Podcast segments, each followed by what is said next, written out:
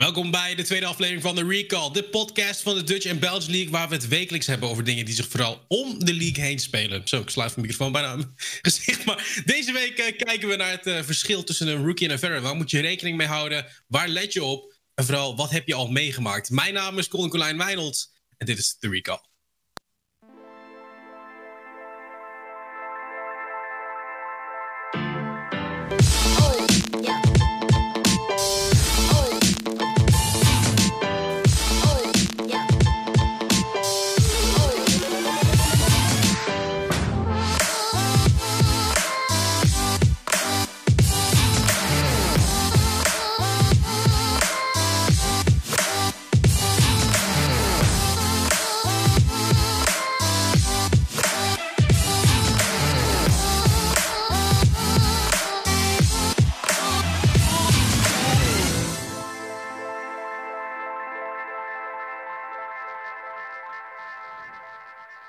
Ja, nogmaals, welkom bij de Recall, waar we deze week gaan hebben over rookies en veterans. Want ja, waar begin je?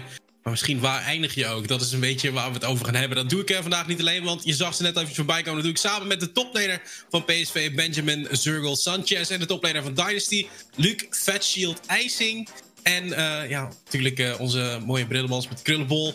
Er lekker bij. Omar Roe van Vink met hoofdletter V, moet ik altijd zeggen. Want je moet me het toch een keertje uitleggen. De hoofdletter V van van, dat is omdat je van adel bent. Nee, we zullen het een ander keertje over hebben. Ik denk dat, uh, nee, nee, nee. Ik bedoel, we kunnen het er nu net zo goed over hebben. Ik bedoel, in het Nederlands is het gewoon altijd zo'n kleine V. Maar jij maakt er altijd... Dit is trouwens echt waar. Je maakt er altijd een probleem van dat het een hoofdletter V moet zijn. Waarom? Dit hadden we niet besproken om de show zo te openen. Hè? Maar dat maakt het helemaal niet uit.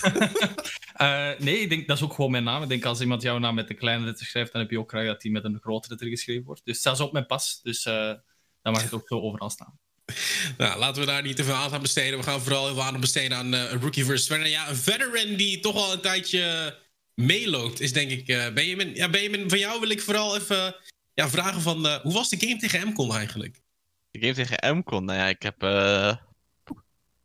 lekker player versus enemy gespeeld in de eerste 20 minuten van de game.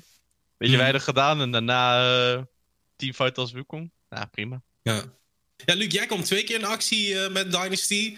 Helaas uh, twee keer niet uh, met het resultaat wat je zou willen. Want je zei ook, ik ga Luca twee meter onder de grond begraven, maar dat is niet helemaal gelukt.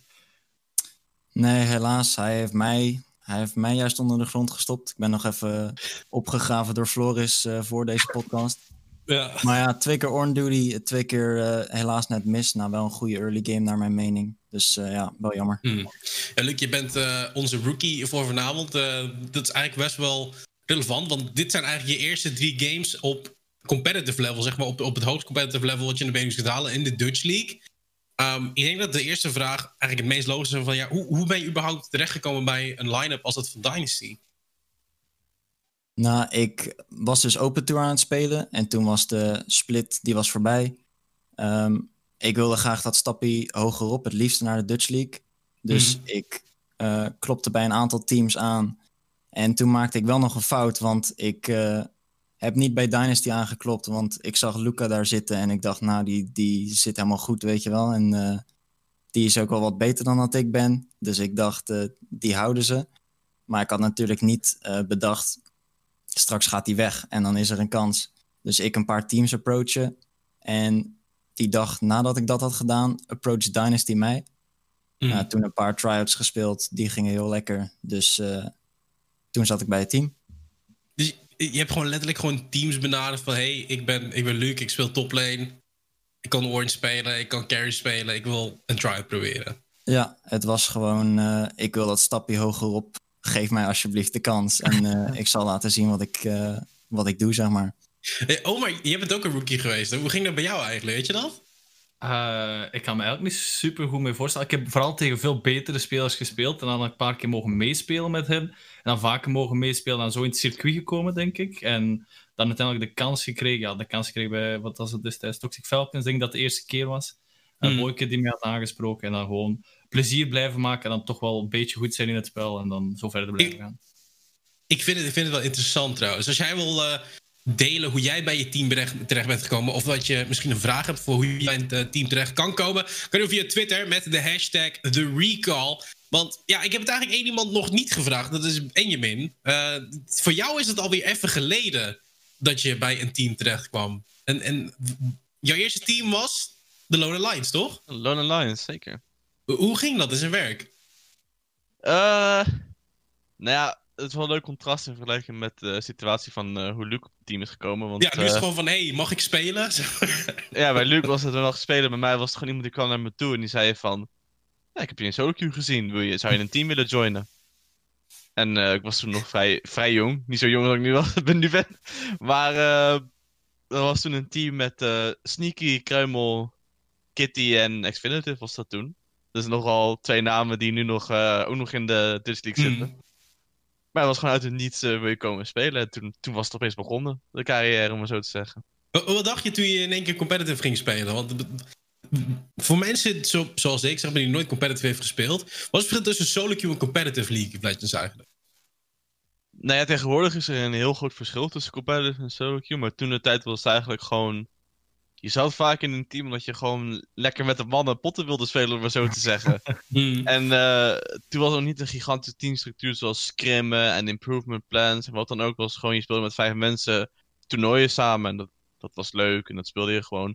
En uh, hoe goed je was bepaalde hoe ver je kwam en wat, wat, of je verder opging naar andere teams in Europa, bij wijze van spreken. Hoe heeft je carrière dat geboost eigenlijk? Zeg maar, hoe, hoe, is dat gegaan? Ik bedoel, je bent in, um, volgens mij wat je zei, in 2013 is dit geweest? Dus zeven ja. jaar geleden. 2013. En season 3 was er niet echt een pro-circuit. Ik bedoel, de EU-LCS begon een beetje op te komen en dat was het eigenlijk wel. Um, je had eigenlijk niet echt iets waar je voor kon spelen. Want volgens mij de Challenger Series die zijn in season 4 of season 5 pas erbij gekomen. Ja, die zijn in 2014 uh, begonnen, Challenger Series. Je, je, had letterlijk niks waar je echt, echt voor kon spelen, of wel? Nee, niet echt. Natuurlijk aan het begin van 2013, maar toen had ik, was ik nog niet begonnen. Toen had je de qualifiers voor de ELCS. Mm. Maar in de zomer van 2013 had je eigenlijk alleen maar regionale toernooien, zoals Fergomatic, zoals de party waar je eigenlijk naartoe ging. Um, en voor de rest speelde je voor niet zo heel veel. Ja, online Go for LOL toernooien bij wijze van spreken. En, en dan ben je, ben je Luke hier, ben je, ben je Dynasty Fat Shield, kom je in één keer. En er is een heel toernooi wat al klaar ligt voor je, waarmee je gewoon op ja, semi-pro level kan gaan spelen. Ik bedoel, als, je, als je dit zo hoort, Luke, zeg maar, hoe, hoe blij ben je zeg maar, dat je nu in dat e-sports verhaal bent gestapt? Ja, ik bedoel, toen Benjamin startte, toen was ik nog lekker Sinzao aan het uh, One Trick in Silver 3. Dus uh, dit is wel... Er is hoop voor iedereen dus.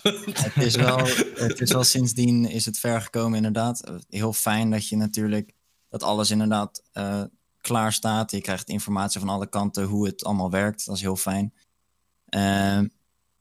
Ja, ik bedoel, ik, want, ik want vanaf, wanneer, vanaf wanneer kwam bij jou zeg maar die, die ambitie van... hey, ik wil competitive League of Legends spelen. Ik wil meer dan alleen Sinzao spelen. Nou, ik weet het niet precies meer wanneer dat was. Maar een paar seasons geleden was ik Trundle aan het one-tricken. En toen kwam ik, toen kwam ik uh, veel hoger dan ik, dan ik zeg maar, had verwacht dat ik zou komen. Toen had je ook nog die Law Skill Score site. Ik denk wel dat veel mensen die, uh, die nog kennen. Nou, stond hmm. ik tweede van de wereld in. Eerste van Europa op, op Trundle. Nou, helemaal vet natuurlijk. En toen dacht ik... Nou, ik bedoel, zou ik er niet iets mee kunnen, weet je wel. Want je keek wel uh, EU-LCS op dat moment. Um, alleen, ik had ook school. Uh, ik wilde ook mijn certificaatje halen, zeg maar. Dus mm-hmm. dat, dat kwam eigenlijk nog even eerst. Dus toen heeft het op een lager pitje gestaan voor uh, twee jaar. En toen ben ik het weer gaan opbouwen. Ja, maar ik, ik kan me niet voorstellen dat je dat spelletje begint zeg maar, met de ambitie van ik ga competitive League of Legends spelen. Want ook voor jou ben je, je zei van ja, ik word in één keer gevraagd door random iemand die zegt van... hey Benjamin, ik heb je solo queue gezien, wil je in ons team komen spelen? Ik denk niet dat je dan al bezig bent van... hey, ik wil competitive League of Legends spelen. Nou ja, toen het was natuurlijk... Ik was toen uh, League of Legends aan het grinden en uh, gewoon aan het spelen. En dan vind je het spel gewoon helemaal geweldig als je nog in die tijd zit. Is dat nog steeds zo? Of? iets minder. Ik vind het spel nog steeds wel leuk, maar, maar minder dan toen de tijd. Toen kon je urenlang doorgaan. En als iemand dan vraagt om nooit te spelen, ja, dan heb je nog niet zozeer die, die competitive drive, maar dan heb je meer nog steeds een wonder voor de game. Dat je echt zo zit van, dit is een heel leuk spel en alles wat je ermee kan doen is, is leuk inbegrepen. Als je prijs of zo zou winnen. Maar die toernooien waren dan juist een situatie waarin je wegging van het alleen spelen in solo queue de hele tijd. En samen met vier andere mensen een, een toernooi ging spelen. En dat was een hele andere ervaring. En toen hoef je niet per se een competitive drive te hebben om, daar, om dat te willen doen. Maar mm. het was gewoon de andere ervaring die je zocht om wat te doen wat het leuk maakte. Ik bedoel, je hebt die drang denk ik nu wel, toch? Ik bedoel, je bent de semi-pro ingestapt nu. Waar ligt je ambitie? Waar wil je heen? Ja, ik bedoel, het, in principe, ik denk dat veel spelers die er dan als eerste instappen, die hebben dat sowieso als goal. Maar het bestaat eigenlijk meer uit allemaal kleine goals slash dromen, zeg maar. Mm. Want de eerste die was in Dutch League komen. En dan misschien die daarna is, nou, hem winnen. En die daarna is eh, misschien een andere IRL. En dan steeds, steeds iets hoger. En Ja. ik ga niet liegen, ik zou heel graag, zou ik LEC willen spelen. En misschien zelfs dan nog een stapje daarna. Dus het is eigenlijk allemaal opgebouwd uit kleinere, kleinere goals, zeg maar. De einddroom, ja, dat, dat is infinity en beyond, zeg maar. Ja, ik, ik vind het interessant dat je wel je einddoel hebt, maar dat je ook heel erg realiseert van... Je moet wel eerst die andere stappen nemen. Ja. Ik denk dat dat... Oh, maar ook wel soms een beetje een dingetje is dat sommige spelers hebben het idee van... Ja, die Dutch League, die Belgian League... Dit is eigenlijk gewoon een heel laag niveau wat ik aan het spelen ben. Ja, ik denk, ik denk dat het vooral beter is om reëel te zijn op dat vlak. Van oké, ik ben een realist, ik wil eerst proberen de beste te zijn in mijn eigen league voor ik naar de volgende league ga enzovoort. Misschien de beste zijn in mijn eigen lane om verder, voor ik verder Mhm. ga. Ik denk op dat vlak dat het wel goed zit bij eh, hier, maar ik denk ook wel de ambitie moet altijd zijn om meer te willen hebben. Want ik denk vanaf dat je, vanaf dat je tevreden bent met Dutch League winnen, dan stagneer je in de league en dan ga je nooit echt meer improven, lijkt me natuurlijk. Ik weet niet, Benjamin, heb jij die ambitie nog? Om verderop te gaan in Europa? Ja, ik bedoel, je, je hebt heel veel gedaan, hè? Ik bedoel, je hebt gecoacht, je hebt eh, op de... Je als bankwarmer gezeten bij een eh, LCS-team. Hey, ik bedoel... nee, maar ik bedoel, je kan bijna alles wel wat je kan behalen, denk ik. Van, van wat voor toen die tijd te behalen was. Denk dat je wel ergens gehaald hebt, of ben je het daar niet mee eens? Ja, I mean, obviously, er zijn mensen die veel meer hebben gedaan dan ik. Maar over het algemeen heb ik wel ervaring in de meeste aspecten die je zou kunnen doen op het hoogste niveau. Hmm. En met de, met de coaching, met de coaching van eh Fnatic en NIP in 2017 heb ik ook gezien wat de spelers moeten doen. En weet je ook wat de spelers moeten doen om op dat niveau te spelen en om dat te bereiken. Dus in die zin heb je dan ook ervaring opgedaan van dit is wat de speler moet doen om dat niveau te behalen überhaupt. Ja. Maar heb jij nou nog die ambitie, zeg maar, van ik wil verder komen? Of heb je zoiets van, nou weet je, ik zit eigenlijk wel lekker in de Dutch League. Nou, voor mij is het persoonlijk, ik zit wel lekker in de Dutch League. Dan moet ik wel eerlijk zeggen dat binnen PSV, binnen het team dat ik heb, dat mijn teammates, ik vind mijn teammates eh, top Europees niveau qua individueel. Dus in Hmm. die zin zou ik ook niet zozeer snel van team willen veranderen eh, naar een ander team. Want ik zou het als side grade zien. Ik heb heel veel Ja. vertrouwen in mijn huidige teammates. En die ambitie om echt naar Europa te gaan, om, andere, om bij andere teams te zitten, niet helemaal erin. Maar ik heb wel bijvoorbeeld ambities en zou ik het hardste voor werken om dingen zoals EU Masters te winnen als we ervoor zouden qualifyen. Ja, ja, dat moet nog gaan gebeuren. Want ja, voor Ja. is dat helaas fout gaan. Maar is het binnen jouw team, Luc, zeg maar, is dat wel meer het geval? Zijn daar mensen wel echt nog bezig van... oh, ik wil LEC gaan spelen, ik wil... eh, ik noem maar wat Prime League gaan spelen of zo? Maar ja, als ik heel eerlijk ben, ik denk niet dat we daar het ooit. Dat ik bijvoorbeeld één op één het echt met mensen in mijn team daarover heb gehad. Meer Hmm. met, eh, met bijvoorbeeld de, de staf, wat, wat ik dan zou willen. Maar eh, ja, ik bedoel, iedereen is nog, is nog jong. Dus ik denk dat, eh, dat bij bijna alle die ambitie er echt wel zal zijn om steeds een stapje hoger op in, eh, in eh, de League of Legends wereld te klimmen, zeg maar. Ja, ja. Ik, ik wil eigenlijk een stukje maatschappelijk verantwoord... stukje van de podcast inbrengen. Ehm, en dat is vooral zeg maar van ja, je ouders, je verzorgers, zeg maar. Hoe die reageerden. Ik denk dat het heel anders was vroeger, Benjamin, dan dat dat nu is. Want toen jij, ik denk dat je, was je 18 toen je ermee begon? Oh jee. De- 18, 17, zoiets? eh, 2013. te- nee, nee, nee. Ik ben nu 22. Oh, Zeven jaar geleden. Ik, zeven, zeven jaar geleden. Toen was, ik vijf, toen, was ik, toen was ik 15 of 16, zoiets. Oké, je zit aan de eettafel en zegt: eh, Pap, mam, ik heb een spelletje gevonden. En er is iemand van het internet die mij benaderd heeft. Die zegt dat ik in een team mag spelen. Ja, toen was het. Zij vonden, ja, zij vonden het leuk. Ze waren vrij supportive ervan. Ze wilden graag weten hoe dat allemaal in zijn werking zou treden. Wat allemaal daarvoor moest doen. Wat zou gebeuren. En te- als je zegt: Ik krijg een bepaald salaris van. eh, toen de tijd Lowland Lions. voor het spelen op je, op je 15 bij wijze van spreken. Dan, Mm. dan, ho- dan horen ze het bedrag bij uitgesprek en denken ze van: Oh, dat is gewoon een bijbaantje. En dan heb je, Ja. je, hobby, heb je je hobby veranderd in een bijbaantje. En dan is het meteen al dan wordt het voor ouders al makkelijker om te zeggen: ja, dat, dat vinden we leuk, dat, kan, dat mag je doen. Omdat het dan in de plaats van, een, van toen de tijd een bijbaantje was, als het competitief het spel spelen. Ja, maar in- Eh. in jouw tijd, zeg maar, wist niemand eigenlijk echt dat e-sports een ding was. Eh, Of Ik valt het wel mee? nou, ik denk, dat, ik denk dat het wel meeviel op Europees niveau. Dus dingen zoals de EU, LCS waren toen al een tijdje bezig. Maar ja, natuurlijk Counter-Strike, dat heel groot was toen de tijd nog. Ehm, maar ik denk dat bij dingen zoals regionaal niveau, zoals nou, Nederlands niveau, dat het wel inderdaad is van e-sports. Hè? Ja. Maar, maar niemand noemde het ook echt e-sports toen de tijd. Het was gewoon, ja, ik ga naar een toernooitje toe of ik ga naar een land toe. Hm. Ja, dat is nu anders nog meer. Ik bedoel, we blijven dat de hele tijd herhalen. Maar Luc, ik denk bij jou, hoe is dat daar gaan? Wist, wisten je ouders of je verzorgers, ik weet niet wat, zeg maar, wisten zij al zeg maar, wat dit was? Nou, het is, eh, zeg maar, ik begon steeds meer te gamen in mijn middelbare school, zeg maar. Hm. En nou, dat vond, ja, ze, ze, toen was nog niet echt de drang om eh, competitive te gaan spelen. Dus toen was het gewoon echt veel League of Legends spelen. En nou, dat, dat, ze wilden wel heel graag dat ik, mijn, dat ik mijn school goed afmaakte, zeg maar. Is dat ook gelukt? Het is, het is gelukt. Eh, ik heb er wel één jaartje langer over gedaan. Hm. Maar het is wel gelukt. En pas eigenlijk sinds nou, dit jaar, in 2019, kwam het een beetje op van... eh, ja, ik wil, ik wil proberen om hier nog beter te worden in dit spelletje. En dan wil ik kijken wat mijn, wat mijn opties zijn. En ze zijn ook gewoon eh, supportive als ik, als ik dan zeg van... eh, ja, ik heb nu tryouts bij dit en dit team. En dan ga ik het nog een beetje uitleggen wat voor team het dan is en waar je het mee kan vergelijken. Dat doe ik dan meestal met voetbal, zeg maar. Ja. En eh, ja, dan, dan zijn ze wel gewoon. Dan willen ze het, dat ik het haal, zeg maar. Ik weet niet of het bij mij is. Ik bedoel, hè, Aziatische roots. Maar mijn moeder wel zegt meteen van, je gaat wat doen? Weet je, we kunnen niet beter gewoon... Is dat wel echt een baan? Weet je zeker dat je niet voor de gek wordt gehouden? Want dan hebben we het over, over cast en weet ik wat allemaal. Dat is echt zo van, ja, maar wat ga je nou doen misschien? Zeg maar. Ze kon gewoon niet begrijpen dat je daadwerkelijk gewoon een carrière kon maken in, in e-sports en gaming, zeg maar, over het internet. Ik weet, ja, Oma, voor jou is het zeg maar redelijk verkorte duur geweest, je e-sports carrière. Ehm, maar eh, bij jou is het ook dat moment zeg, dat je tegen je ouders te zeggen van ja, ik, eh, ik speel het Spiridome in, eh, in Charleroi, om maar wat te noemen.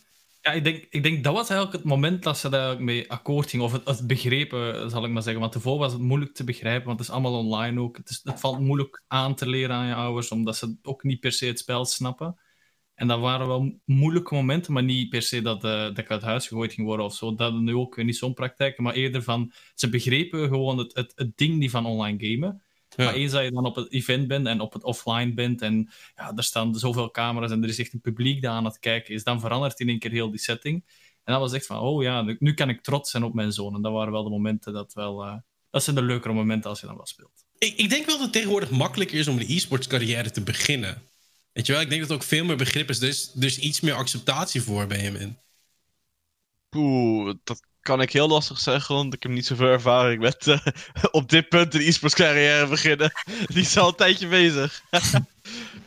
nee, maar het, het, het zou heel goed kunnen. Natuurlijk, e-sports komt nu veel meer in de media momenteel. Je hebt bijvoorbeeld, nou, voor ons, ik zit dan toevallig in PSV en ik ben geen rookie in PSV, maar mensen zoals Albert Reber, die, die draaien al langer, die draaien al een tijdje mee, maar korter dan ik, bij wijze van spreken. Die ehm, iets jonger zijn en iets meer in, het be- in het begin van de carrière zitten, om maar zo te zeggen, die wel nu nog een startende carrière hebben. En van de Albert Reber weet ik bijvoorbeeld dat het, die heeft een beetje het, eh, die heeft volgens mij, hetzelfde als wat jij had, dat hij met zijn ou- met Colin, dat hij met zijn ouders wat moeite Ja. had.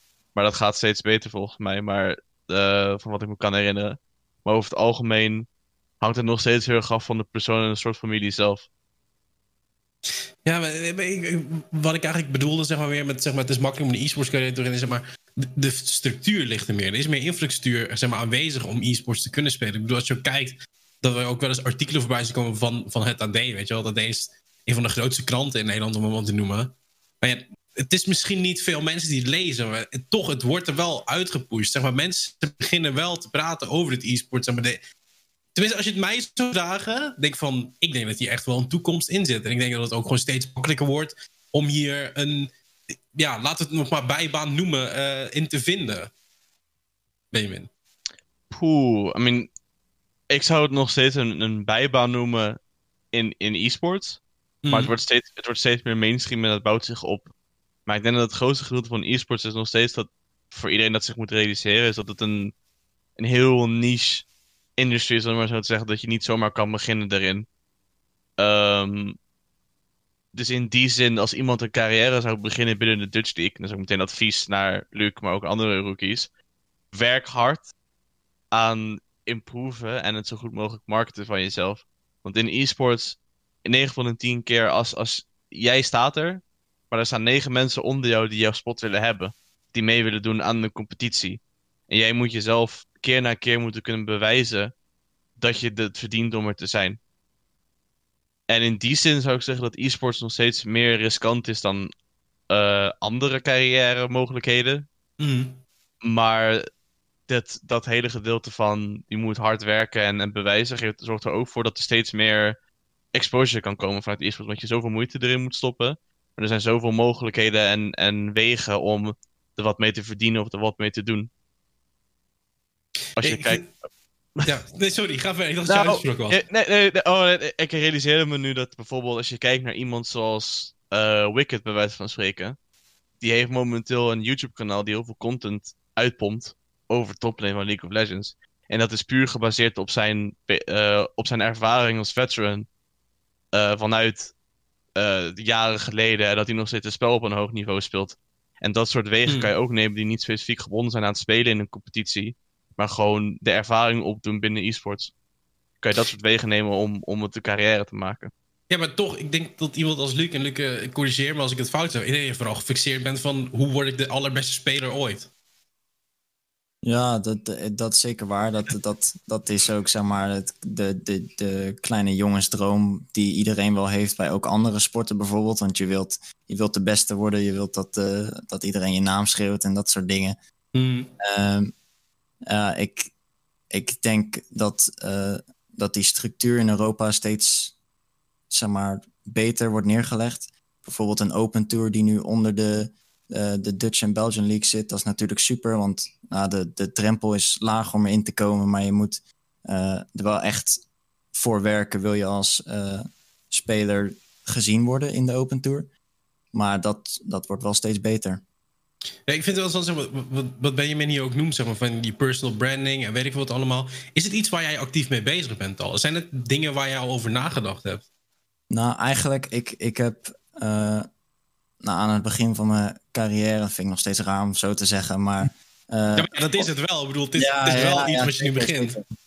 Maar eh, nou, misschien is, is dat ook een foute view, maar ik heb altijd wel gedacht, Twitter is een beetje de marktplaats van League of Legends, vooral op, de, op het lager niveau, zeg maar.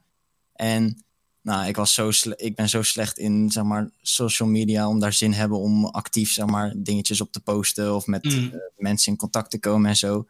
Dus ik had daar, daar best wel moeite mee. Vandaar ook dat ik eh, nou, de meeste teams zelf moet approachen. Maar ehm, ja, ik bedoel, daarom ben ik ook blij dat, eh dat Dynasty naar mij toe kwam. Want anders had ik die kans misschien ook al gemist. Ja.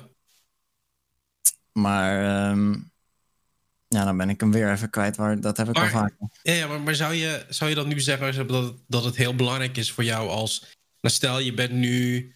eh, je, je bent een Diamond 2 speler. Je speelt een Diamond 2, maar je hebt nog geen competitive. Je zou het wel graag willen. Denk je dat je vanaf nu al meteen bezig moet zijn van... Oké, hoe zet ik mezelf neer? Hoe maak ik mezelf bekend aan die organisaties... die dadelijk misschien wel spelers gaan zoeken? Is dat iets waar je nu vanaf dag één bezig mee moet zijn in jouw ogen ook?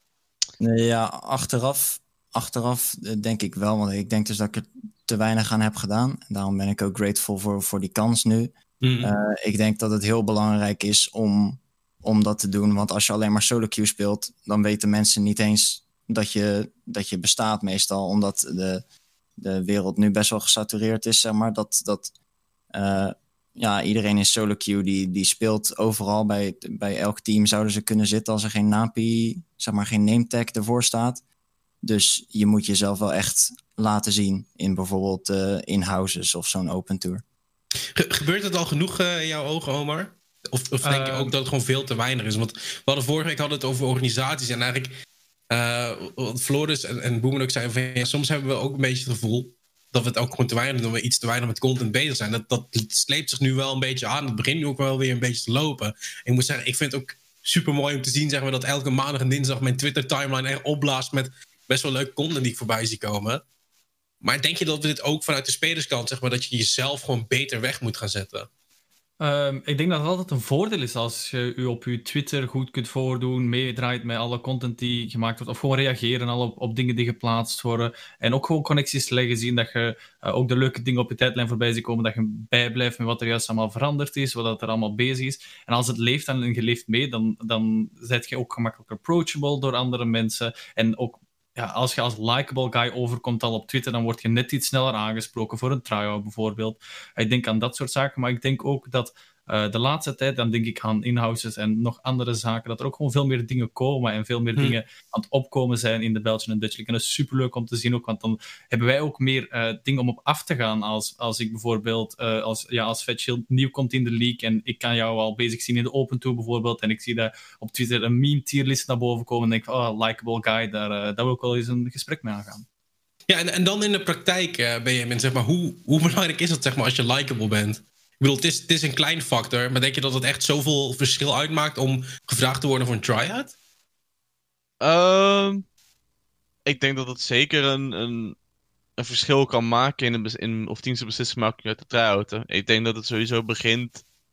In, in solo queue begint het altijd. Je moet altijd de basis hebben om uh, je carrière te beginnen, zo te zeggen. En als jij je slecht gedraagt daar, is het een hele grote indicatie al vanaf het begin zeker omdat League of Legends veel meer teamfocus is geworden dan echt individuen, is het zo'n hmm. belangrijke indicatie al om te zien hoe een persoon binnen een team gaat werken. Als hij constant bezig is met naar anderen kijken, anderen de schuld geven voor zijn eigen fouten of wat dan ook, dan is het al heel moeilijk om zo'n persoon echt een try-out te geven. Natuurlijk, binnen try-outs kan je, als, kan je kijken of hij dat daadwerkelijk doet binnen teamverband. Maar heel vaak is het gedrag op mensen in solo queue vertonen, in, in de chat en gewoon in de game zelf is heel indicatief hoe ze zich gaan gedragen als dingen uh, minder goed gaan in het algemeen binnen teams ook. En binnen trials wil je eigenlijk niet alleen maar organisatie zien hoe goed een persoon is als alles geweldig gaat en je wint elke game. Maar een gedeelte van een team is ook als je games verliest, dat is ook belangrijk om te weten hoe een bepaald iemand zich zou gedragen. En vaak is solo een, een betere indicatie daarvan dan een, een tryout. Want iemand kan, zich heel, iemand kan zich heel goed voordoen voor een tryout. En dat is ook wel, dat laat ook wel effort zien. Maar soms is het nog belangrijk om nog iets meer research te doen naar een persoon als organisatie om te kijken van is deze persoon, hoe zou die binnen teamverband werken? Ja. Ja, ik, ik weet niet of jullie dit nog kennen, maar de term benen lol. Zeg maar, wat, brengt dat voor dingen bij jullie op? Ja, ik zie Oma al lachen. Heb je er ooit van gehoord, Luc? De benen lol? De benen lol chat? ik kan niet zeggen dat ik daar ooit van gehoord heb, nee. Ja, ben ik niet dat je er wel heel veel dingen over weet. Poeh, ik, kan me niet helemaal meer herinneren, maar uh, als je het zegt, waarschijnlijk dan wel weer. ja, maar ik, dit, is een beetje waar ik het over wilde hebben, want je hebt het zeg maar over hoe je presenteert. En, en Luc zegt ook van hoe je mee bezig bent. We zien nu ook dat de teams, hoe ze zich branden. Ik bedoel, laten we eerlijk zijn, de Benelux stond best wel bekend omdat ze niet echt op een mondje waren gevallen, om het maar zo te noemen. Um, denk je dat die cultuur hier nog steeds erin hangt, Omar? Dat we gewoon alsnog een beetje outspoken zijn over bepaalde dingen? Uh, ik denk dat sommige mensen zeker nog wel zeggen wat dat ze denken. En ik denk ook dat dat sowieso mag. Maar je moet gewoon altijd rekening houden met welk, uh, welk effect die woorden ook gaan hebben. Niet alleen op als je ze post op Twitter, maar wat ga je organisatie daarvan vinden als je dat post en zo verder. En ik denk op dat vlak dat het echt wel al een grote proces uh, dat we echt al van ver komen.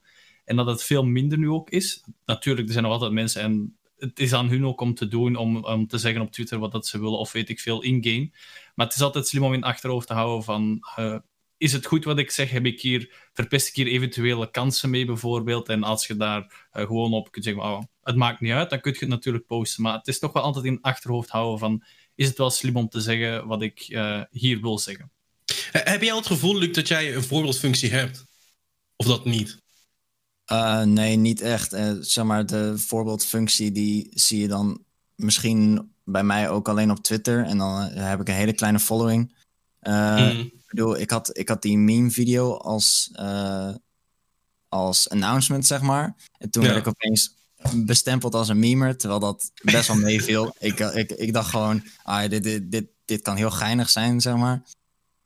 Um, Ja, ik denk dat het qua voorbeeldfunctie... Ik bedoel, in solo queue kom je niet heel veel mensen tegen. En dan kun je ook wel gewoon je mik houden. En dan, uh, dan, dan is je voorbeeld...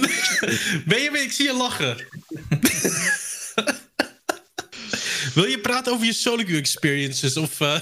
Nou ja, ik ga niet zeggen dat ik een engeltje ben in solo queue. Maar uh, ik, ik, denk dat je heel veel mensen tegen gaat komen in, in ho hoger ilo, hogere ilo's in het algemeen. Die best toxic zijn. En dat je kan soms zien dat het hele slechte of hele negatieve gevolgen heeft op de organisatie bij wie je speelt.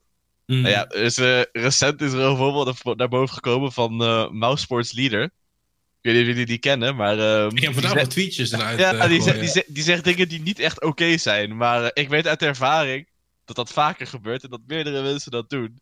En mm. dat, dat zijn de dingen dat als dat naar voren komt en je bent een rookie... Like, bij Leader is het algemeen. Ik heb best wel positieve dingen gehoord over hoe hij binnen teamverband is. Van oude teammates van hem ook via via. Dat ik dan durf te geloven dat het pure frustratie is die bij hem opkomt.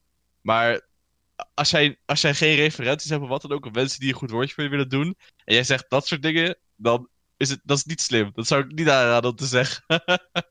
Ja, nou, terug naar Luc. Heb je nog steeds die voorbeeldfunctie gevoel? Heb je dat nou wel een beetje dan? Als je zo over nadenken dat je ook wel beseft van... Oké, ik kan niet meer alles doen wat ik wil, want mensen, sommige mensen kennen mijn naam nu. Ja, maar ja, ik weet niet of ik het dan een voorbeeldfunctie zou noemen, want uh, je zit uiteindelijk voor jezelf, zeg maar. En als je zelf uh, allerlei dingen in solo queue gaat, gaat schreeuwen tegen andere mensen, dan hurt je vooral jezelf mee. Ik denk wel dat, uh, nou, ik stream dan in ieder geval nog niet. Maar bijvoorbeeld bij hele grote streamers als... Daar vind ik wel echt een hele erge voorbeeldfunctie. Want als die dat soort behavior gewoon laten zien op stream... en dan soms misschien er makkelijker mee wegkomen omdat ze een streamer zijn... als daar dan 20.000 mensen van haar te, uh, zitten uh, te kijken... ja, die, die nemen het allemaal over en dan... Uh, dan denk ik wel, ja, dat is wel zonde. Want die hebben zoveel reach, zeg maar. En ik heb nu nog veel minder reach op dit moment. Dus dan, dan vind ik het wel jammer als ze dat soort dingen doen. Ik vind persoonlijk, ik zag het in, net in chat voorbij ja, komen. ik zie het, maar... het ook van alles vliegen, ja. ik, ik, ik, zag, die persoon had ik al in mijn hoofd voordat, ik het, voordat het gezegd werd. En dat is echt een voorbeeld van een streamer die zijn, zijn, zijn hart op zijn tong om maar zo te zeggen. Die echt zegt wat hij denkt, maar ja. niet toxic is tot het punt dat slecht reflecteert op de organisatie, is Domidol. Domilol is echt... Maar die, die, die, is, die, zit al, die zit al langer in de Is Domilol een persoon of is Domilol een begrip? Ik bedoel, daar moeten we ook een verschil in maken. 100%, een begrip. 100% een begrip. Maar die jongen, die doet al sinds, sinds ik het me kan herinneren... Die altijd, doet hij echt precies hetzelfde zoals hij nu is. En dan mm. gewoon arrogant to the max, weet je wel? Maar dan niet arrogant in de zin van... Oh, gaan jullie iedereen bieden? Maar gewoon, hij, hij, hij kan zichzelf goed oppraten. En hij is gewoon 100% eerlijk over wat hij over mensen denkt de hele tijd. En het zorgt voor zulke goede content op stream altijd met Dobby Lol. En hij, ik, zou, ik, zou, ik zou het niet weg willen uit de Benelux, om eerlijk te zijn. Like, Dobby Lol is echt iets... Als je aan Benelux denkt, dan denk je aan Dommy altijd. is dat zo, Luc? Ik bedoel, weet je wie Dommy is? Ik weet wie Dommy is, maar ik, ik, ik kom er nu zo nieuw in dat ik zeg maar elke naam die ik voorbij zag komen toen ik uh, Open Tour begon te spelen, begon ik pas echt een beetje te kijken naar, naar alle namen en alle persoonlijkheden. Dus het heeft bij mij nog niet zo'n sterk gevoel. Uh, maar... ik, vind, ik vind het eigenlijk best wel gek zeg maar, dat je dan toch wel zo'n scene inkomt. Dat je eigenlijk voordat je er zelf in speelt eigenlijk geen idee had wat te spelen. Want dit, dit maakt een beetje op van wat je nu zegt. Nee, dat klopt. Maar uh, ja, uiteindelijk moet je, moet je zelf uh, improven. En dan, zeg maar, voor mij maakt het niet echt uit wat, wat er aan het spelen is op dat moment. Als ik daar nog naartoe aan het klimmen ben, bijvoorbeeld in, in solo queue qua kwaliteit. Dus ik was er ook nooit, nooit zo mee bezig. Ik, ik vind het heel interessant, zeg maar, dat, dat er eigenlijk zoveel aspecten zijn die komen kijken buiten het spelen. Dat zoveel mensen daar eigenlijk helemaal niet mee bezig zijn. Maar ik denk ergens ook wel, ik denk nu jij er naar kijkt, over dat, dat heel veel spelers per ongeluk in de Dutch League belanden. Dat is een beetje de vibe die ik soms krijg. Um, er zal wel een reden zijn natuurlijk. En de reden is waarschijnlijk omdat ze hun lane goed kunnen spelen, een beetje opgevallen zijn. Uh, maar ik denk ook dat er ja, mensen zoals uh, Dommy bijvoorbeeld, omdat we net uh, de naam al hebben laten vallen, eh, omdat die ook al zich zoveel hebben bewezen en zoveel hebben laten zien, dan heb je net iets meer ja, vrijheid om, om te doen wat je wilt. Als je dan vergelijkt naar andere organisaties of teams, kijk ik naar uh, G2 bijvoorbeeld, die ook wel gemakkelijker met iets wegkomen als ze wat meme-content eruit brengen. Hmm. maar ja, het, het, was eventjes wel uh, lachen in het vuistje toen dat, uh, je zei dat je Dommy nog niet kende of niet herkende, uh, of alleen herkende maar niet kende, en dan nieuw bent in de Dutch League. Ik vind het sowieso niet erg, maar het is wel een, een onschuldige blik, en dat vond ik wel even grappig. Oké. Um, ja, laten we even terug. Ja, wat wil je zeggen, Benjamin? Je wilde volgens mij nog toevoegen. Ik wilde, ik wilde sowieso zeggen, met, met content en, en dingen zoals hoe Dommy, nou, hoe Dommy Law is binnen Benelux heb ik me altijd wel afgevraagd of, of het binnen Benelux acceptabel zou zijn als meer mensen zouden echt trash talken en, en meer, niet drama creëren voor de zin van drama, maar meer content te creëren. Want we hebben bijvoorbeeld, we hebben obviously vorige week tegen Dommy gespeeld op support. En, uh, ik bedoel, hebben jullie echt gespeeld? Nou, nou Dommy, normaal, noemen, normaal noemen ze het inten of runnen, maar je mag niet intentionally feeden in, in de Dutch League. Maar, maar ik, denk dat wat, wat Dommy deed best close kon. Hoeveel devs had die jongen? Die had een 10 of zoiets tegen tegen Yumi. 9, bij 0-9 was het. 0-9, maar dat is... Dat kan gebeuren, maar dan kan ik me herinneren dat Ant zeg maar, Dobby echt Ant op Siem. Ja, dat is ook Dobby. Toen me hmm. nog herinneren toen we de next aan killen waren, toen Dobby nog een keer dood ging. Dat iemand zei zo in de Steve chat, ja, dat is ook Dobby. ik, ik, wil even doorgaan over de, de trash talk. En ik denk dat trash talk eigenlijk twee kanten op kan gaan. Want ja, laten we eerst zeggen, ik bedoel, Luc die heeft ook getrashtalkt uh, een paar weken terug. Heeft het dan niet waargemaakt. maar ja, je staat er wel zo van, ja, weet je, het is niet gelukt ja, sucks, maar that's it. Ik denk dat trash talken acceptabel kan zijn tot op een zekere hoogte dat je niemand echt mee kwetst. Ik, ik, denk dat daar wel echt een heel belangrijk verschil is. En ik denk dat dit ook wel iets is waar spelers zich bewust van moeten zijn. En of je nou een rookie bent of een veteran. Ik denk dat je heel bewust moet bezig zijn met wat je eigenlijk aan het zeggen bent. Of, of zeg ik daar iets geks mee, uh, Benjamin? Nou ja, sommige mensen zijn natuurlijk sneller op een gestapt dan anderen. Like, ik, ik ga ook toegeven, ik ben ook niet zo heel erg van de band of de trash of wat dan ook. En wat ik net over Dobby zei, dat zou ik nog wel nooit zeggen. maar uh, ik, denk, ik denk dat het een, een groter aspect brengt naar... Um, een groot aspect brengt bij jezelf marketen als persoon, maar ook gewoon jezelf out there brengen. Like, let's be honest, iedereen kent, iedereen, iedereen kent Dobby in de Velux. Maar sommige andere supporters, die, als, die, als die na een jaar weg zijn of wat dan ook, die, zullen, die namen zullen nooit noemen. En dat is jammer soms. Dat is gewoon jammer hmm. als, als dat soort namen niet meer zullen vallen. Want je kan juist jezelf zo. Je kan het zo leuk maken en ook interessant voor organisaties. Voor de content om het zo te zeggen. Als je gewoon jezelf meer betrekt in de scene op een manier van. Yo, ik ben de beste en ik ben arrogant. Wat ga je er tegen doen, weet je wel? Ja, ja. Op zo'n manier. Dan kan je het veel leuker maken en, en interessant voor organisaties als je dat doet. En dat denk ik dat het interessantste is. Maar ja? ik, ik denk dat ondertussen iedereen deze tweet heeft gelezen, Luc. Zeg maar, als je die, uh, als je, als je die tweet hier ziet, hè? zie je dit als flamen of een beetje als banter? Nou, ik denk dat het verschilt per player. Want als zeg maar, ik dit zou, zou tweeten, niemand kent mijn naam, ik ben net nieuw. Ik denk dat het dan anders overkomt dan bijvoorbeeld van Gijsje, die er al wat langer uh, speelt. Dus. Ja, ik, denk dat daar ook nog wel een meningsverschilletje of twee over zijn. Ja.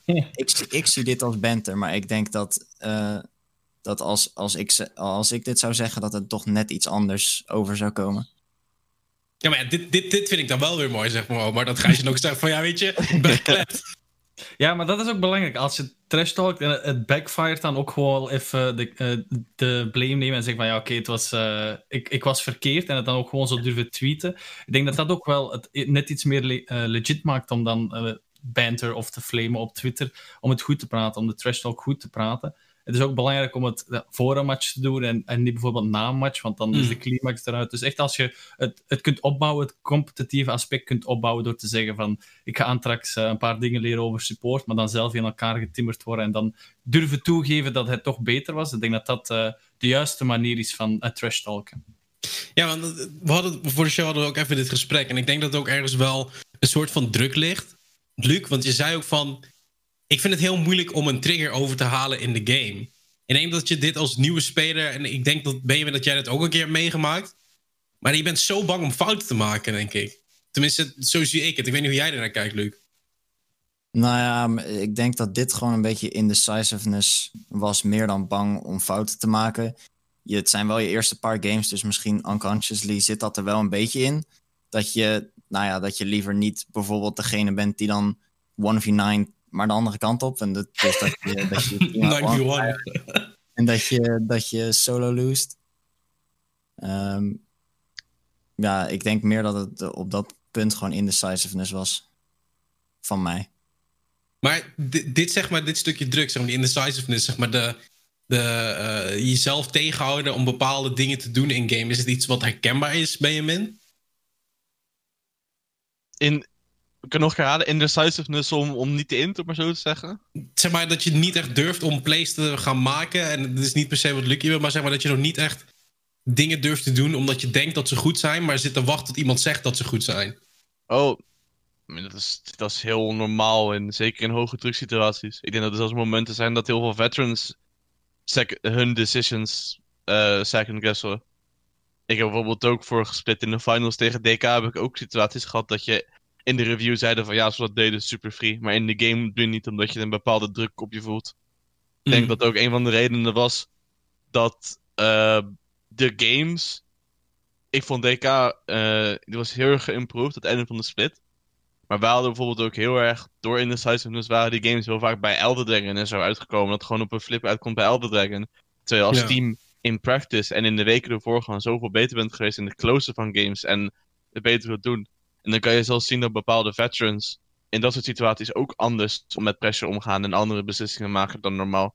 Dus ik denk dat dat, dat blijft altijd zo. Ga naar. Ga heb, naar... jij, heb jij het gevoel als veteran, zeg maar, dat als jij een fout maakt, dat het je eerder wordt vergeven dan als Luc een fout zou maken?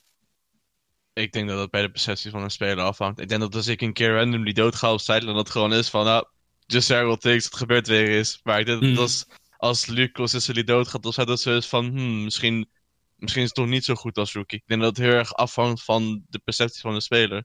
Ik zou bijvoorbeeld zeggen, vorige split had ik een, een best decent split. In het algemeen. Ehm, En in zo'n situatie kan je kijken naar mijn finals tegen Alois. Ja, dat was gewoon... Ik, ik werd één keer gesolokilled door Malfight. Als jij gesolokilled wordt door Malfight, zonder dat hij ult gebruikt, is het normaal heel bad. Is echt heel bad als dat gebeurt. Maar, ik denk dat, maar ik denk in de andere case, omdat het bij mij gebeurde en andere games prima gingen, dat het minder, dat het minder shit was vanuit.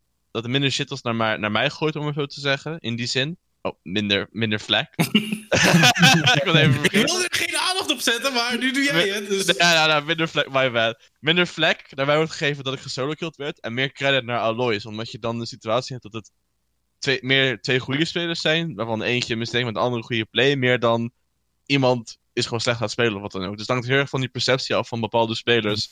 eh, hoe dat gezien wordt. Je- je- Deze druk, kun je daarin vinden, zeg maar? Wat, wat hier Eh. wordt beschreven, zeg maar, dat als jij een foutje maakt, dat mensen heel snel een mening vormen. Ik bedoel, mensen vormen altijd een mening. Ja, ik denk, ik denk dat als je nieuw bent in een team, dat dat, dat er da wel daadwerkelijk is, zeg maar. Dat mensen iets eerder zullen zeggen van, "Hm, was deze, was deze pick-up wel zo slim, zeg maar? Kan die het wel? Want je Hmm. hebt ook niks om op terug te vallen natuurlijk. En als je al langer bij een team zit en je hebt een eh, slecht moment of je hebt een slechte periode, dan heb je ook dingen om op terug te vallen. Bijvoorbeeld betere periodes. Dus ik denk wel dat die, dat die drukker is. En, en hoe ga je hier nu mee om? Zeg maar? Ik bedoel, het is blijkbaar wel iets wat je, wat je bezig had. Ik zie je nu gewoon ook al gewoon ja. hardop al denken bijna. ik, ik zeg het wel heel erg, eh, heel erg vast van die druk is er. Nou, en dan ga ik er nu weer wat, wat eh, minder onder zitten. Want ja, het valt bij mij dan misschien wel weer wat mee. Ik denk niet dat. eh, nou, ik denk dus dat die goede periodes dan sowieso ook nog, ook nog komen. Dus daar ben ik niet zo heel bang voor. Hmm. Ja, maar na, de- na zo'n game denk je wel even van ja, ik, eh, ik heb het wel. Oh, ik zei bijna iets slechts, maar ik heb het eh, wel zeg maar. Dus dan voel je je wel even wat minder. Is het niet gigantisch overweldigend om zo de scene in te komen als rookie? Ik bedoel, ja, dat vind ik eigenlijk wel, zeg maar, goeie- zeg maar, je weet dat er mensen naar je kijken. Ik vind het wel een interessante vraag. Ja, zoals ik al eerder zei, ik had dus die meme-video en dan nou meteen alle ogen, alle ogen op, op die guy die zegt dat hij Luca, eh, zeg maar, even onder de grond gaat stoppen. Eh, Mhm. En dat was ook wel het idee. En dan, ja, als dat dan niet gebeurt, dan ben ik ook wel de persoon die het, eh, nou, die het dan weer tegen kan verwachten. Ik weet niet of jullie dat dat hadden gezien. Maar er was zo'n, nou die, die ehm, hoe heet het, die begrafenis meme, zeg maar. Dat Luca mij, uh, mij op zijn schouder droeg in die kist, zeg maar. Nou, dat, dat, dat is dan ook gewoon prachtig. Dus um, ik vind het niet heel erg als er wat meer ogen nu op mij staan. Want ja, ik weet dat ik het kan. Dus dan, uh, dat is wat je wilt eigenlijk. Maar confidence is er genoeg in ieder geval. Uh, spreken over goede periodes, oh maar. Wanneer komt die... nee, dat is flauw. Uh, Benjamin, als je nu dingen, dingen die je nu weet, die, uh, die je, zeg maar, als je, dingen die je nu weet, die je vroeger had willen weten, wat zijn die dingen dan? Oeh, ik zou voor de periode aan het begin van mijn carrière, zou ik niet zo heel veel veranderen. Toen, daar ben je nog aan, er zijn de dingen die je, die ik niet kan weten, om maar zo te zeggen, die je leert door op te groeien. Want ik was 15, 16 jaar oud. Toen was ik veel minder volwassen dan wat ik nu ben. Maar ik zou vooral mijn periode van carrière in 2015, 2016 willen, zouden willen veranderen. Want toen was ik, het heb ik op Mouseport gespeeld, Exertus, Basconia en Giants in Duitsland, Engeland en Spanje. En toen ik in Spanje speelde voor dat hele jaar, had ik veel meer kunnen doen en veel meer moeite kunnen zetten in het daadwerkelijk verbeteren van mijn gameplay, verbeteren van hoe ik was als teammate. En dan had ik, dan had ik, ik was relatief fulltime toen de tijd, een half jaar fulltime, half jaar parttime. En had, als ik veel meer moeite had gedaan met de dingen die ik nu wist, zou ik dat veel beter hebben kunnen gedaan. En tevreden zijn over de periode. En als ik terugblik, ben ik er niet tevreden over. Dat was soms best een, een bad teammate als mensen een slechte dag hadden. Ja. En uh, dat zou ik zeker opnieuw willen doen. En het veel, veel beter zou willen doen. Dus, dus als ik het goed moet samenvatten, is van blijf, probeer jezelf gemotiveerd te houden. En denk ook meer aan je teammates. Motiva ja, motivatie, een goede teammate zijn is altijd belangrijk. Als iemand een probleem heeft, in gameplay of wat dan ook, moet je het absoluut niet, niet gaan kijken om af te straffen. Of je, je kan je frustratie erover uitlaten als teammates slecht spelen of wat dan ook. Maar probeer het dan opbouwend te doen. Probeer dan opbouwende kritiek te geven van... joh, ik denk dat je dit niet goed doet. Of joh, ik denk dat je Hmm. meer solo queue moet spelen. Of joh, wat dan. Maar probeer niet negatief de hele tijd over gaan zitten venten als teammate. Maar probeer het gewoon positief tegen het team te zeggen, om maar zo te zeggen. Ik, ik denk dat Dynasty daar wel een hele goede omgeving voor is, zeg maar, dat, dat te leren, denk ik niet. Of, of niet, Luc? Ja, ik, ik kwam bij Dynasty. Het was meteen super professioneel, zeg maar. Het was echt geweldig om daar als, als rookie bij te komen. Hmm. Want ja, de sfeer is gewoon, is gewoon supergoed. En nou, er is nog nooit iemand boos op elkaar geworden in deze laatste paar weken dat ik er nu bij zit, zeg maar. Ja. Ehm, ik heb zelf nog niet een moment gehad dat ik bijvoorbeeld eh, iets bij iemand wilde aankaarten. Dus nou, ik, ik, heb ook nog niet, ik weet ook nog niet hoe ik het dan zou hebben gedaan. Maar nu hoor ik wel van, eh, van eh, Benjamin hoe hij het zeg maar, zou doen als hij ook terugkijkt op, eh, nou, op dus die 2015, 2016. ja. Dus ja, dat zijn ook nog allemaal dingen die je dan moet leren. Ik hoop dat ik ze in één keer goed doe. Maar ja, die, die, dat, dat komt allemaal nog wel. Nou, En dan vanuit jou, Luc, zeg maar, als je nu, ehm, nou, wat, zei we net, een, een Diamond 2 speler ergens voor mij die om een of andere reden op deze stream uiteindelijk uit is gekomen. Wat zou je tegen die zeggen? Wat zou je die als tip meegeven? Als ze een Oeh. ambitie hebben om de Dutch League of de Belgian League te willen spelen. Ja, talking about voorbeeldfunctie. Ehm, nou, ik denk dat het sowieso goed is om je gezicht te laten zien, zeg maar. Dat als je naam wordt genoemd, dat mensen... Dan maakt het niet echt uit wat ze op dat moment zeggen, maar dat ze überhaupt weten dat je bestaat, zeg maar. Hmm. Eh, Dus eh, Twitter opgaan en nou, bijvoorbeeld die in-houses die eh, Dippert dan eh, organiseert, daar ook aan mee proberen. Shout out to Dippert. Dippert! En, eh, ja, open Tour kun je dus, dat, dat moet je hoger zijn dan Gold 1, dus de- dat ben je wel. Ik eh, zou ik ook gewoon lekker aan meedoen.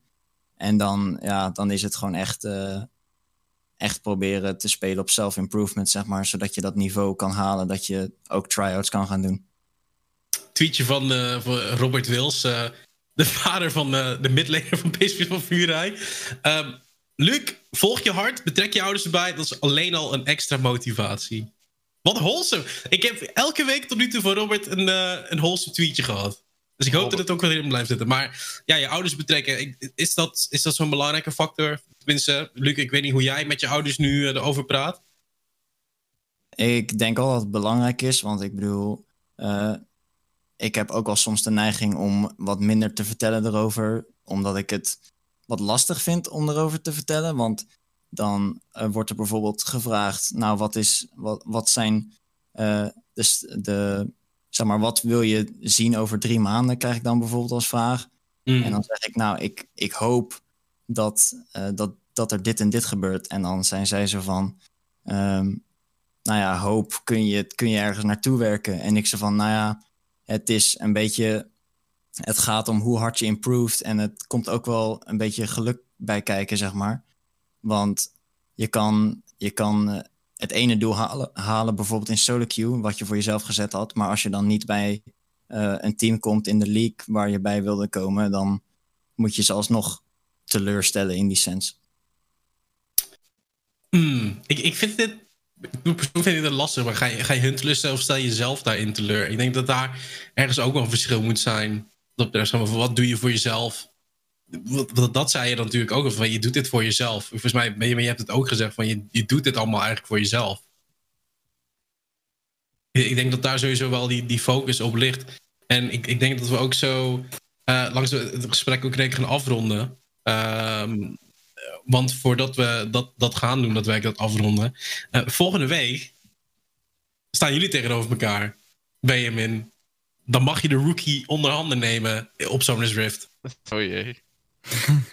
Ominous.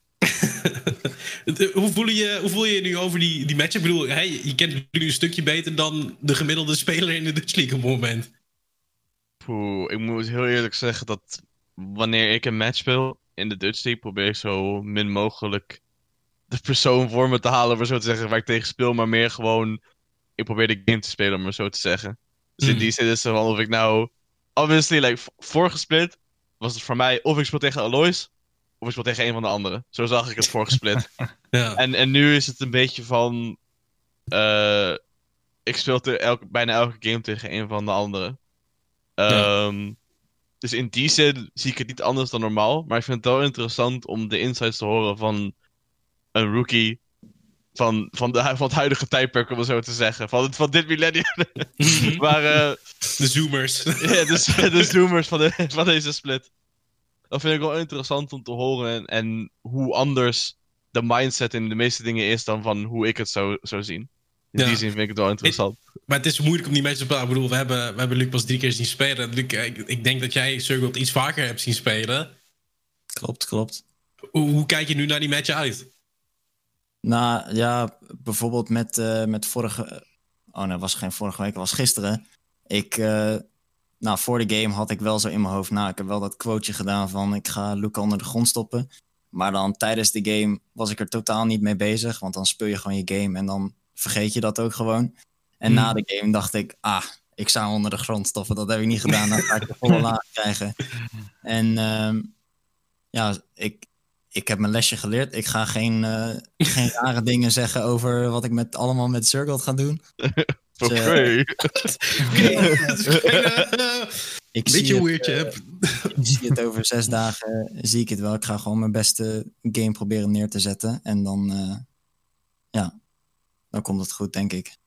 We gaan het zien. We gaan uh, ook door. We gaan even kijken wat er allemaal in de Belgian League gaat plaatsvinden. Dat we gaan uh, de podcast afsluiten. En we gaan kijken naar wat er uh, in de League of Legends scene gaat gebeuren.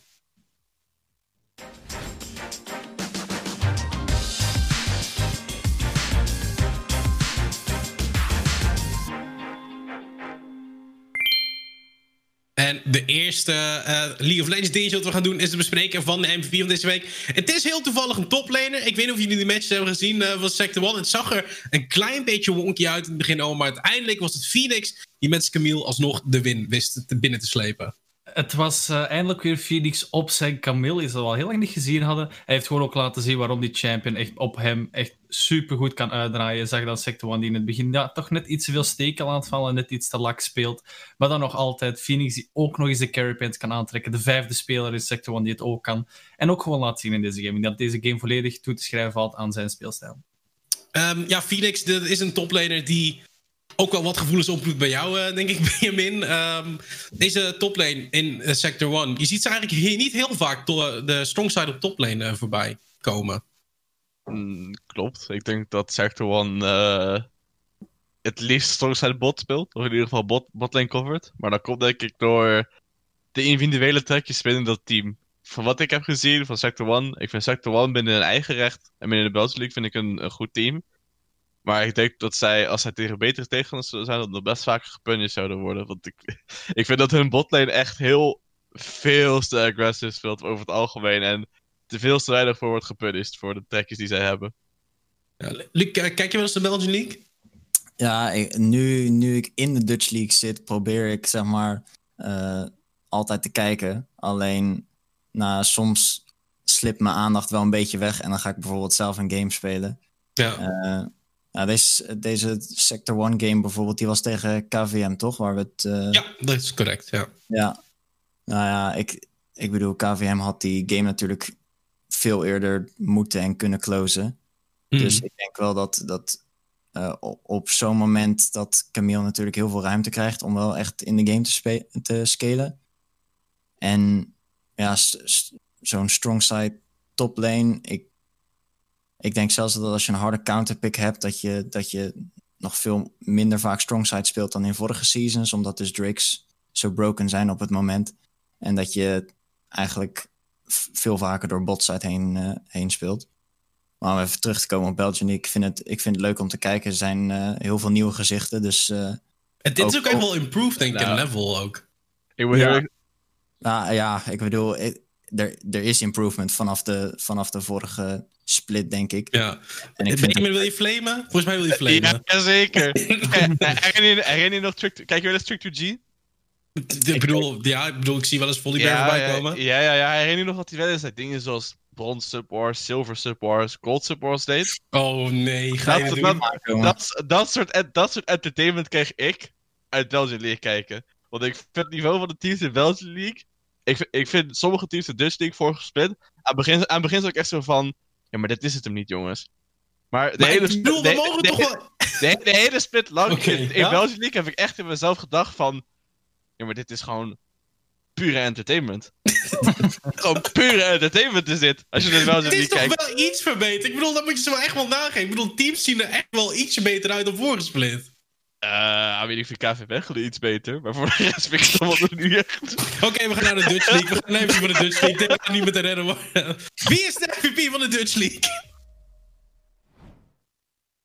Het is eh Jay Callum, de AD Carry of de botlaner voor Echo Zulu. Hij wist daar eh, ja, met een 8-1-4 score zijn eh, team eh, over de streep te trekken. Ja, die game van Echo Zulu. Benjamin, terwijl je nog steeds met een brede glimlach zit. Smerige flamer. D- ja, Jay Callum is denk ik wel een van de meer vaste waardes binnen dat team van Echo Zulu. Daar, als het erop aankomt, dat hij ook wel in de zone moet zijn. Tenminste, dat heb ik van Boeren begrepen. En dat hij daar ook wel zijn ding kan doen. Benjamin. Oké, eh, ik moet even afkoelen. ik, moet even, ik moet even afkoelen. Oké, je nee, maar even- ik, vind, ik, vind, ik, vind Jake, ik vind Jake Callum over het algemeen. Elke keer dat ik hem zie spelen, denk ik aan mezelf van... joh, doe eens even, doe eens even Jake Callum, want eh, die, plays, die plays zijn wel noten. nee, maar serieus, ik denk dat Jake Callum altijd wel... in de meeste teams waar hij in speelt... een beetje een soort van shining light is van... Want teams waar Jake Callum in speelt zijn over het algemeen... zijn niet topteams, om maar zo te zeggen. zijn meestal middle of the pack teams binnen, binnen de Be- Benelux. Mm. En ik denk dat het heel vaak geëlevated wordt door Jay Callum, waardoor ze winst kunnen pakken van bepaalde teams. Ik vind bijvoorbeeld zijn Kai'Sa en zijn Ezreal heb ik altijd heel goed gevonden. Wat ik heb gezien. En eh, ik vond in deze games, nu laat hij ook weer zien waarom die een soort van underrated AD carry is binnen de Dutch League. Volgens mij hoor ik hier een eh, gratis ban al voor Echo Zulu, eh, Luc. Ezreal moet eruit. Ja, we speelden die eerste game tegen, tegen Echo Zulu. En eh, nou, die game, die game ging zoals die ging. Maar achteraf was ik wel eens van, nou, die man kan, kan wel een lijpe Ezreal, zeg maar, spelen. Mm. En dat, ja, daar ga ik eerlijk in zijn. Dat had ik ook niet helemaal, helemaal verwacht aan het begin van de game. Ja, zo gaan eh, eens kijken wat we daarvoor uh, volgende week mogen verwachten in eh, de Belgian League. Of wat was het? Bronze Subwars, zoals mensen dat noemden. Ehm, ja, Ithra en Anderlecht die gaan het uh, uitvechten. 7am die een eerste win is te pakken afgelopen week. Die spelen dan tegen Sector 1. Dat zal vast een lastige opgave worden. Dan Ithra die nogmaals opneemt tegen Brussels Guardians. Dan 7am tegenover dat KV Mechelen dat ook wel weer sterker deed. En uh, ik zag vooral net al in de chat van fijn dat we niet volledig grond in worden geflamed. Maar ik moet zeggen, ik ben oprecht. Ik was hier uh, vorige split ook een beetje schuldig aan. Ik vind de Belgische League oprecht gewoon een stukje beter geworden wat dat betreft. En uh, daarmee dat gezegd hebben, gaan we ook naar de featured matchup. Het is Itra tegen Anderlecht. Um, wat is de reden voor deze featured matchup, Omar?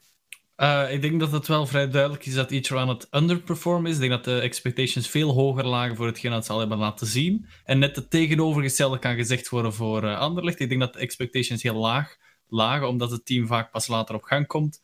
Maar op dit moment is Anderlecht gewoon on fire en zijn ze echt gewoon winst aan het pakken vanaf het begin. Dus dat is een helemaal andere uh, teamomgeving, een teamspeelstijl dat we gewoon zijn. Uh, althans, de speelstijl blijft nog altijd hetzelfde na zoveel jaren, maar uh, het winstpakken in het begin van een season, dat is net iets anders. En vandaar moeten zien of Anderlecht ja, kan blijven presteren en toch zien of Itra net iets meer kan laten zien. Denk je dan Anderlecht je met het zou hebben gered met hun goudse speelstijl in de Dutch League?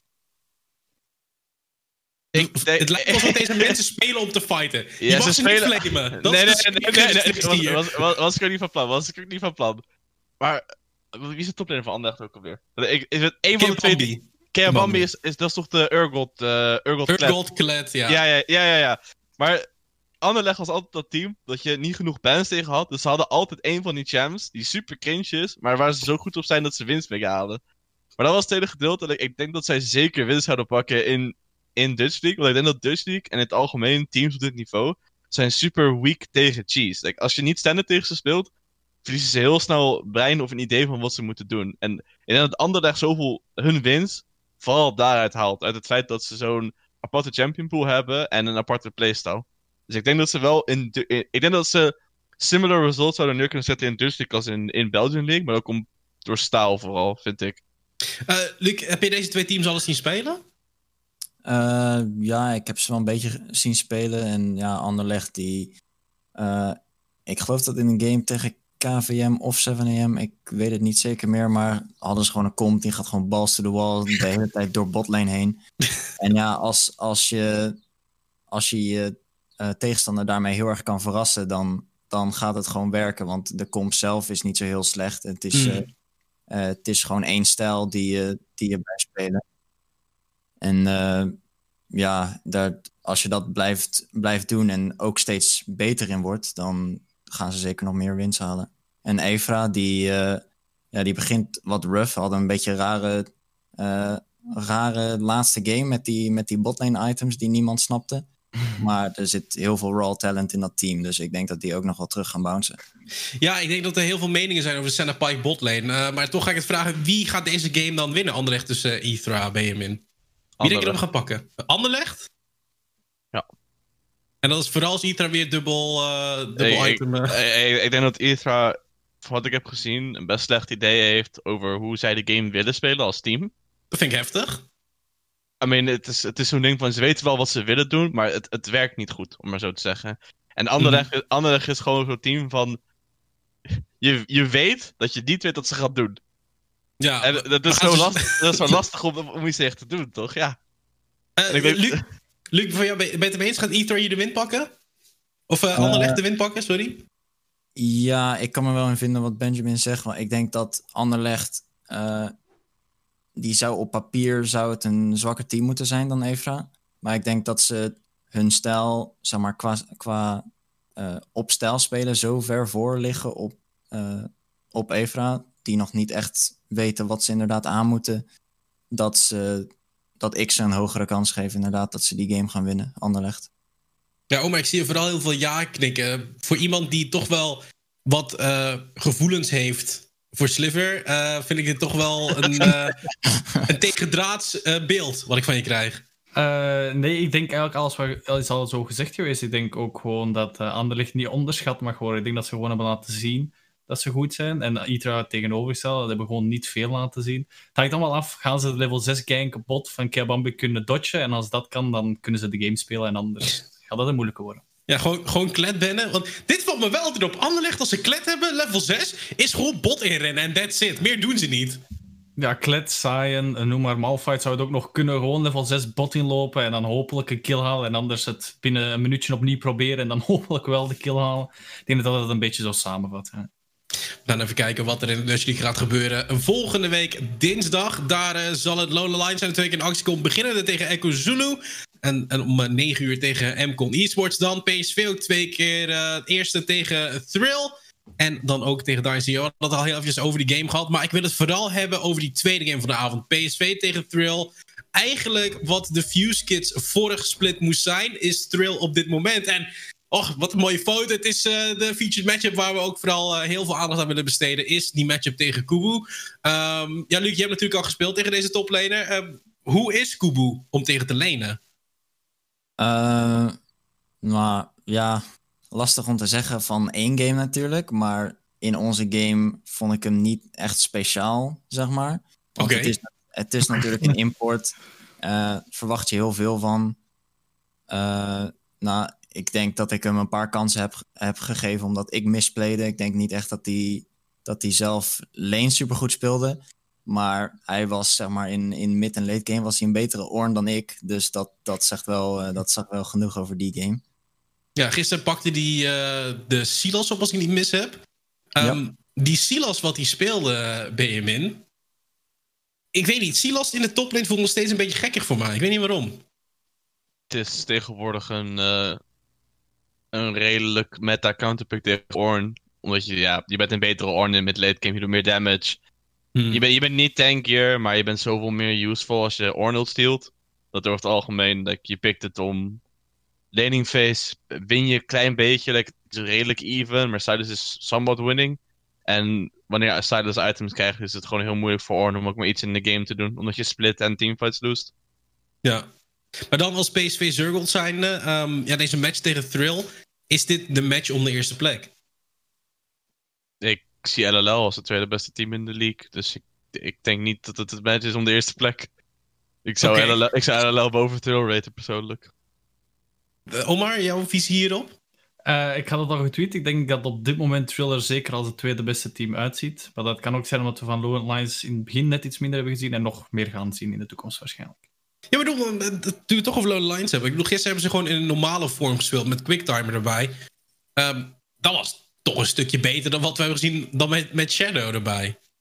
Uh, ik denk dat het zeker een upgrade was uh, op Speel, dat speelde, speelde Storm niet? Oh, Storm, sorry, ja. Ja, ja Shadow was uh, inderdaad een beetje dat, dat rare graphic ja. dingetje wat we hadden. Dat was inderdaad Storm die speelde, sorry. Nee, ik denk ook dat ze nu pas eigenlijk beginnen aan een split. Ik denk dat de eerste game die we gezien hebben eigenlijk ook hun eerste game gerekend mag worden als echt team.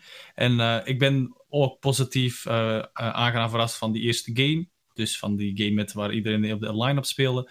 En ik denk dat LLL Trill op zich beide nog kunnen de tweede plek contesten. Maar mijn uh, voorkeur gaat in ieder geval op dit moment uit naar Trill.